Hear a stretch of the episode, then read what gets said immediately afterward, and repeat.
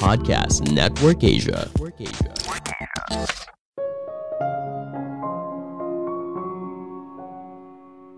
Pikiran kita mudah terjebak dalam delusi dan manipulasi, bukan karena kita bodoh, tapi karena kita lemah, tidak sempurna, dan mudah takut. Halo semuanya, nama saya Michael. Selamat datang di podcast saya, Sikutu Buku. Kali ini saya akan bahas buku Useful Delusions karya Shankar Vedantam. Sebelum kita mulai, buat kalian yang mau support podcast ini agar terus berkarya, caranya gampang banget. Kalian cukup klik follow Dukungan kalian membantu banget supaya kita bisa rutin posting dan bersama-sama belajar di podcast ini. Buku ini membahas soal perspektif lain dari manipulasi diri. Ketika kita mendengar kata manipulasi, pastinya kita mengasosiasikan hal tersebut dengan hal yang buruk. Kita menganggap jujur merupakan hal yang baik. Bohong atau tidak berbicara dengan jujur merupakan hal yang buruk. Tapi coba bayangkan kamu berada dalam sebuah lingkungan di mana setiap orang selalu berbicara apa yang mereka rasakan. Misalnya ketika mereka tidak suka dengan kamu, mereka langsung memaki kamu di depan semua orang dan mengutarakan semua isi hatinya. Tentunya ini bukan pengalaman yang menyenangkan kan? Justru kadang kita menggunakan manipulasi yang bisa membantu kita dalam sebuah keadaan sosial untuk bisa bersikap, sehingga kita bisa diterima di masyarakat. Saya merangkumnya menjadi tiga hal penting dari buku ini. Pertama, jujur tidak selamanya baik. Mayoritas dari kita pasti sepakat kalau kita menghargai orang yang jujur dan kejujuran. Tapi coba tanya ke dirimu sendiri, bagaimana rasanya berada di sekitar orang yang selalu bicara sesuai dengan apa yang ada di pikirannya? Mungkin kita merasakan hal itu sebagai pengalaman yang buruk dalam masyarakat yang beradab, kita didorong untuk berbicara agar si pendengar dapat menerimanya dengan baik. Apalagi bagi seseorang yang berada pada posisi yang tinggi, misalnya presiden, direktur, manajer, dan sebagainya. Kita berharap orang yang ada di posisi tersebut tidak sembarangan dalam berbicara, memikirkan matang-matang atas kalimat yang mereka utarakan, dan berpikir apa konsekuensi atas ucapan mereka. Mungkin tidak se ekstrim kalau kita menganggap hal ini sebagai manipulasi, tapi bisa dibilang sebagai penyimpangan dari kebenaran. Kita mengubah sebuah kebenaran dan membagikan kebenaran sehingga apa yang kita sampaikan bisa diterima dengan baik. Coba bayangkan seorang pemimpin berbicara sesuai dengan apa yang dia rasakan. Tidak ada orang yang tepuk tangan kalau dia sebagai pemimpin yang jujur, tapi dia malah dianggap sebagai pemimpin yang kasar atau kejam. Sama halnya ketika kita pergi ke restoran, hotel, pesawat, dan sebagainya. Kita pasti berharap mendapatkan pelayanan yang baik. Namun orang yang bekerja di bidang tersebut, khususnya yang berhubungan langsung dengan konsumen, itu bukan pekerjaan yang mudah. Coba bayangkan, kapan terakhir kali kamu harus bersikap baik kepada semua orang? Misalnya kamu harus selalu tersenyum, berusaha tertarik atas apa yang orang itu sampaikan selama berjam-jam, dan sebagainya. Semua hal ini tidak terjadi secara alamiah Orang yang bekerja di bagian pelayanan harus punya kontrol diri yang baik. Contohnya gini, ada seorang konsumen yang datang, lalu membuat permintaan yang tidak masuk akal.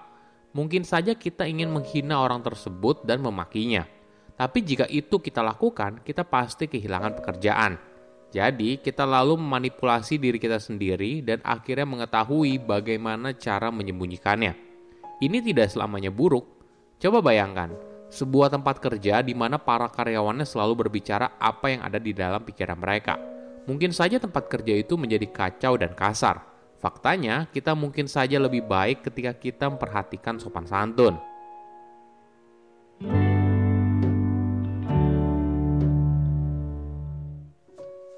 Kedua, manipulasi dan delusi. Ada perspektif yang menarik manipulasi diri ternyata bisa bermanfaat bagi hubungan manusia. Coba bayangkan kamu datang ke sebuah pernikahan, lalu kamu bertanya kepada pasangan itu, seberapa besar kemungkinan kalian akan bercerai? Tentunya tidak akan menjawab kalau mereka akan bercerai, karena buat apa menikah apabila kamu akan tahu kalau kamu akan bercerai. Namun apabila kita merasa kalau manusia adalah makhluk yang rasional dan berpikir dengan logika, Secara statistik, 50% pernikahan akan berakhir dengan perceraian. Tentunya kita bukanlah seseorang yang spesial dan ada 50% kemungkinan kalau kita akan bercerai. Namun manipulasi diri terhadap pasangan membantu kita dalam hal ini. Kita tidak melihat sebuah hubungan dengan analisa cost and benefit, namun kita fokus pada kebaikan pasangan dan memilih untuk mengesampingkan kelemahannya. Karena jika semua orang berpikir secara rasional, kecil kemungkinan kalau mereka akhirnya memutuskan untuk menikah. Toh secara probabilitas hanya 50-50. Ada contoh lain yang menarik. Coba bayangkan orang tua yang baru saja menyambut kelahiran anaknya Hampir semua orang tua pasti menganggap anaknya merupakan anak yang spesial di seluruh alam semesta. Tentunya hal ini merupakan sebuah delusi, tapi tidak bagi orang tua tersebut. Ada alasan kenapa banyak orang tua merasakan hal ini. Merawat dan membesarkan seorang anak bukanlah pekerjaan yang mudah. Bukan hanya dari segi biaya, tapi juga dalam hal waktu dan energi yang harus mereka curahkan dalam membesarkan anak tersebut. Ketika orang tua mencurahkan segalanya bagi anak itu, maka inilah yang membuat mereka melihat anak tersebut sebagai sesuatu yang unik dan spesial.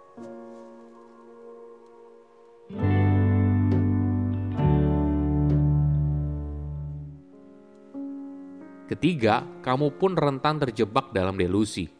Apakah kamu pernah melihat perilaku seseorang lalu berkata kalau kita tidak mungkin melakukan hal yang sama? Kita merasa kalau diri kita merupakan pribadi yang rasional, penuh logika, dan lebih baik dari kebanyakan orang. Faktanya, kita pribadi juga rentan mengalami hal tersebut. Penulis bercerita saat dirinya bepergian jarak jauh dan mengalami retina mata yang lepas. Sebagai informasi, ini merupakan kondisi di mana terlepasnya retina dari bagian belakang mata.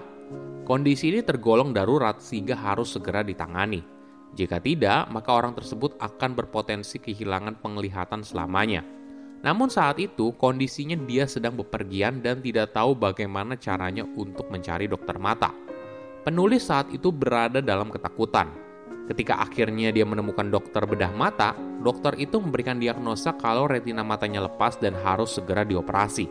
Di momen itu, penulis tidak lagi mempertimbangkan plus minusnya melakukan tindakan operasi dia juga tidak tahu apakah dokter mata itu punya rekam jejak yang bagus atau tidak. Beruntungnya, penulis bertemu dengan dokter yang hebat dan matanya berhasil diselamatkan. Coba bayangkan, apabila dokter itu ternyata bukan dokter beneran, apakah hal ini akan mengurangi rasa percaya penulis? Belum tentu. Kepercayaan penulis tidak muncul dari apa yang dilakukan oleh si dokter, tapi berasal dari kejadian yang dialaminya. Ketika dalam momen penuh ketakutan, mempercayai dokter itu membuat penulis merasa lebih baik. Coba bayangkan hal yang sama terjadi pada seseorang yang memiliki pandangan yang kamu anggap salah. Bukan karena orang itu percaya 100% kepada hal tersebut, namun sesuatu itu menjawab keresahan di dalam dirinya. Oke, apa kesimpulannya? Pertama, jujur tidak selamanya baik.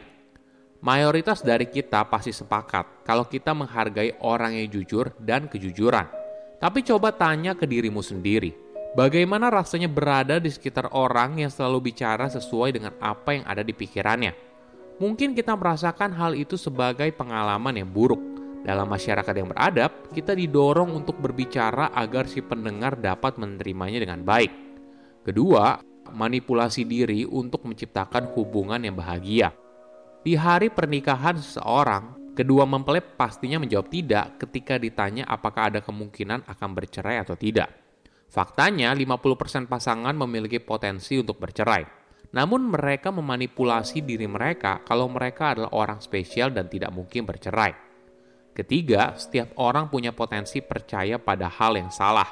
Ketika dalam momen penuh ketakutan, kepanikan, dan sebagainya, mempercayai seseorang atau sesuatu akan membuat kita merasa lebih baik Coba bayangkan hal yang sama terjadi pada seseorang yang memiliki pandangan yang kamu anggap salah.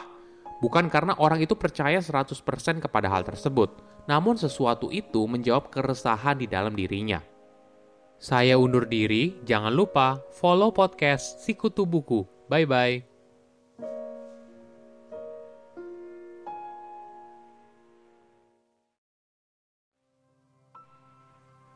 Pandangan dan opini yang disampaikan oleh kreator podcast, host, dan tamu tidak mencerminkan kebijakan resmi dan bagian dari podcast Network Asia. Setiap konten yang disampaikan mereka di dalam podcast adalah opini mereka sendiri dan tidak bermaksud untuk merugikan agama, grup etnik, perkumpulan, organisasi, perusahaan, perorangan, atau siapa pun dan apa pun.